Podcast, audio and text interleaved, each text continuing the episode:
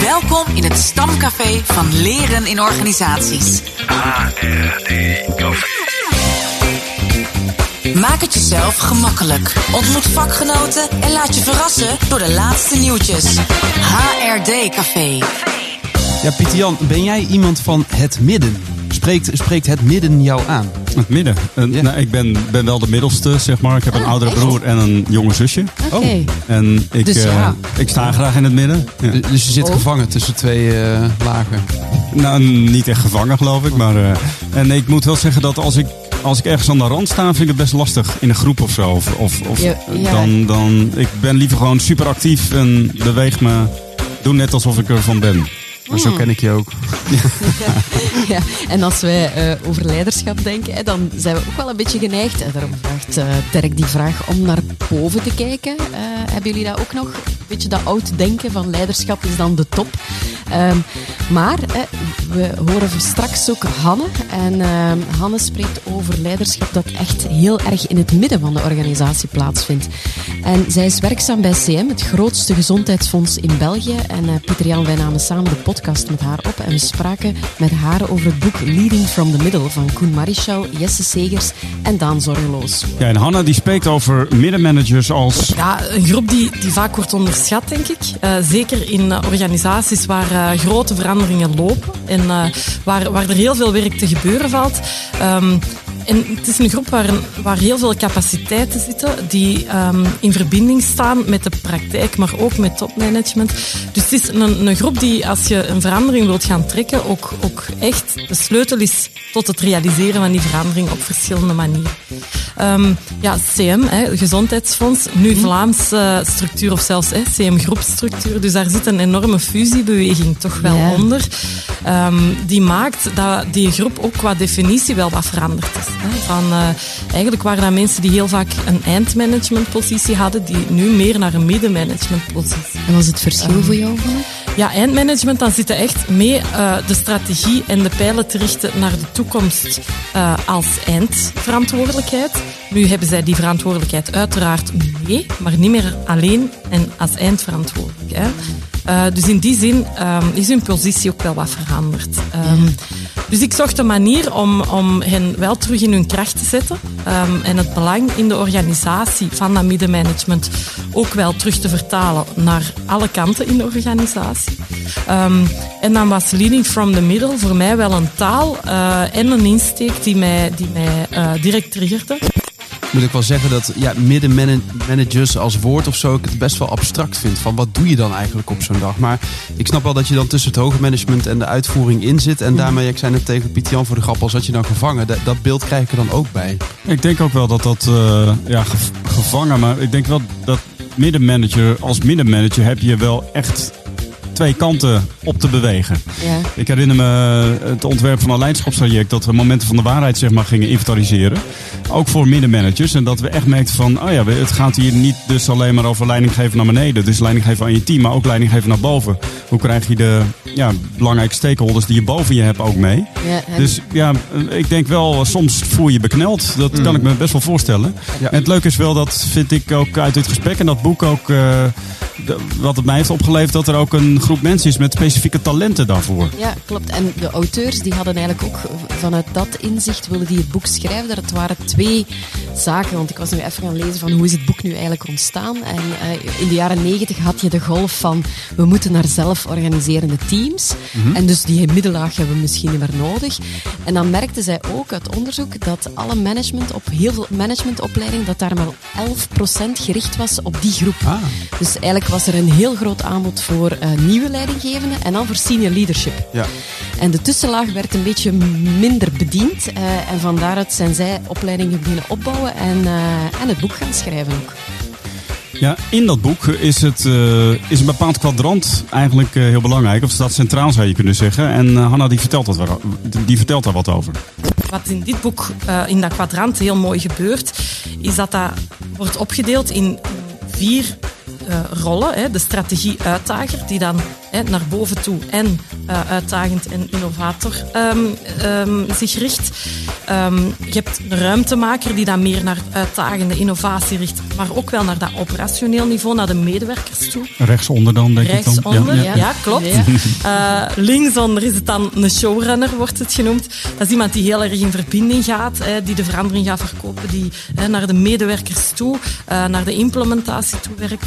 Ehm, en de verbindingsofficier, linksboven dan, hè, ehm, die ehm, ja, terug, terug weer naar het topmanagement aligneert, op de strategie aligneert, ook weer verbindend is. Hè.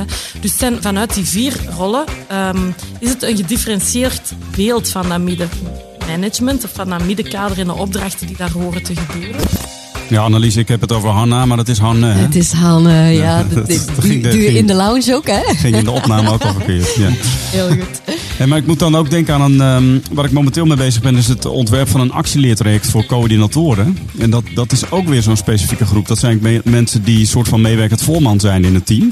En toen ik deze, eh, deze podcast aan terugluisteren was en ik hoorde weer die vier verschillende rollen, dacht ik wel van, dat is wel ontzettend boeiend om daar wellicht ook te hanteren. Ja. Ze maakt het zo mooi concreet, hè, hoe je dat middenmanagementschap kunt invullen.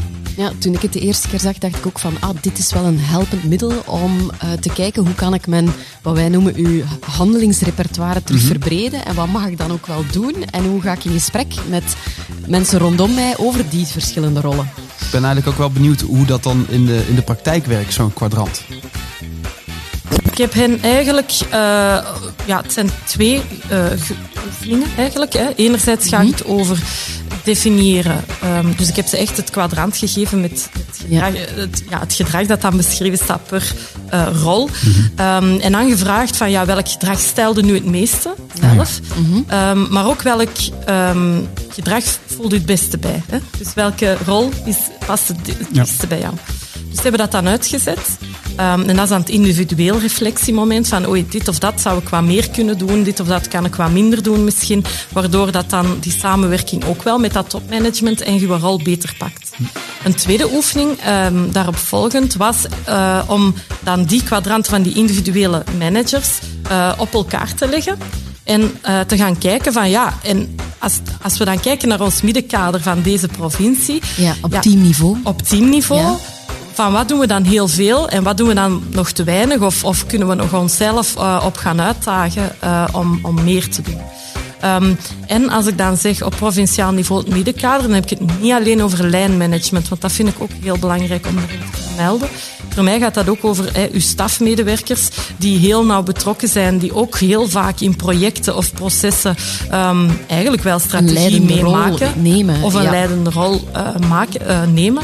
Hè, dus ook zij zijn daarin betrokken om ehm, in die oefening hè, goed te gaan kijken van stellen we nu dat middenmanagementgedrag allemaal en eh, zijn we daar wat gebalanceerd in, doen we wat er nodig is.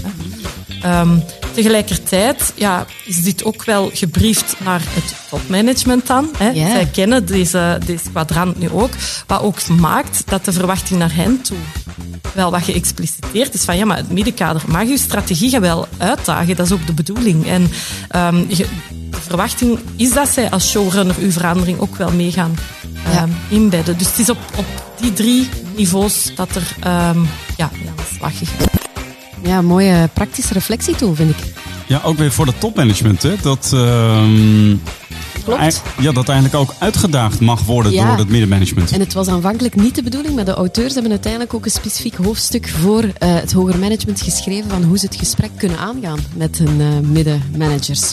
Ah, oké. Maar als ik het eh, goed begrijp, dus het boek is ook echt een soort ja, bril of handvat of noem maar hoe je het noemen wil. Maar wat je helpt als middenmanager om je rol beter te pakken, zowel naar boven toe als naar beneden toe. En dat kwadrant helpt daar dus echt bij. Ja, absoluut. En tenslotte legden wij, eh, Pieter Jan, we legden Hanne ook de vraag voor of het middenmanagement ook een type functie is dat dan misschien wel meer of beter past bij een bepaald talentenprofiel. Ehm, dus dat je niet altijd moet streven naar een, een, een hogere job. ehm, maar dat je kunt zeggen, kijk, mijn profiel, dat is echt, ik voel me heel goed in die middenmanagement eh, eh, eh, functie. Daar kom ik tot mijn recht. Ik denk dat zeker. Ja. Hè. Ik, ehm, en, en ook meer eh, de evolutie in organisaties, en ik hoop ook, hè, ja, binnen CM is dat zeker ook zo. Hè. Je gaat naar een plattere organisatie, hè, zoals ze dat dan noemen. Uh, minder managementlagen. Um, dus ja, de ladder waarop dat je klimt is niet meer altijd naar boven. Hè. Dat gaat ook een, een, uh, een matrix ja. meer worden. Um, en het, het kwadrant dat hiervoor ligt, um, geeft ook die nuance in, in ja, waar dat, dat, dat geeft ook een, een uitdaging aan je learning and development. Aan waar kan ik nog ja. in ontwikkelen, uh, zonder dat dat per se een hiërarchische ja. uitdaging moet zijn. Hè. Dus ik denk zeker uh, naar loopbaan, um, ja, jobcrafting, loopbaan, uh, dat, dat het meer nuance biedt aan wat is nu dat middenkader en welk gedrag zullen we daar zien. Dat dat niet alleen maar is om op te groeien in, um, Omhoog. in de ladder. Hey, Pieter-Jan, even, heb je nou heel bewust de vraag... hoe kijk jij daarna weggelaten in dit fragment? ja, Dirk, mijn leven is één grote window dressing. ja, dus daar waar ik dat kan doen, dan doe ik dat. Maar het klopt inderdaad. Vorige week hadden wij het over uh, die tweet van uh, mijn uh, radiovader, radiovader ja. Papa. over de, dat hij zich zou storen aan de vraag hoe kijk je daarnaar. En nou, dit, dit, was al eerder opgenomen. Dat is mijn, dat is mijn Ah, vluchtroute. Ja, maar ik hoorde terug en ik dacht van shit, daar ga ik. Ja, bij mij passeerde ook de vraag, zou Pieter Jan ook een radiomoeder hebben? Maar, uh, ik laat het even in het midden. Hè? Laten we het even in het midden Ja, laten. precies. Nu, de hele podcast, en dat is echt wel leuk om te beluisteren, vind ik zelf, uh, is terug te luisteren in de HRD Café Lounge podcast. Die kan je zowel op Spotify als op Apple Podcast vinden. En het kwadrant vind je gewoon op het internet. Uh, en de link staat in de show notes van ons. HRD Café. Met Dirk van der Pol, Pieter-Jan van Wijngaarden en Annelies Wiebo. Trending. Trending topics. Trending topics. Wat zijn de laatste nieuwtjes? De L&D-professional in me, die, die kan helemaal aangaan op data. Want ik denk dat we uh, uh, onze data nog veel beter kunnen gebruiken en nog veel meer kunnen gebruiken. Alleen de Feyenoord supporter op de tribune over data. Ja, weet je, dat, daar, ben ik geloof ik nog niet aan toe. Want dan zie ik dat een, een verdediger een hele goede data heeft, omdat hij goede paasjes heeft. Want 90% van zijn paasjes komen aan. Alleen dan denk ik, ja, ik zat er. Ze waren wel 90% achteruit.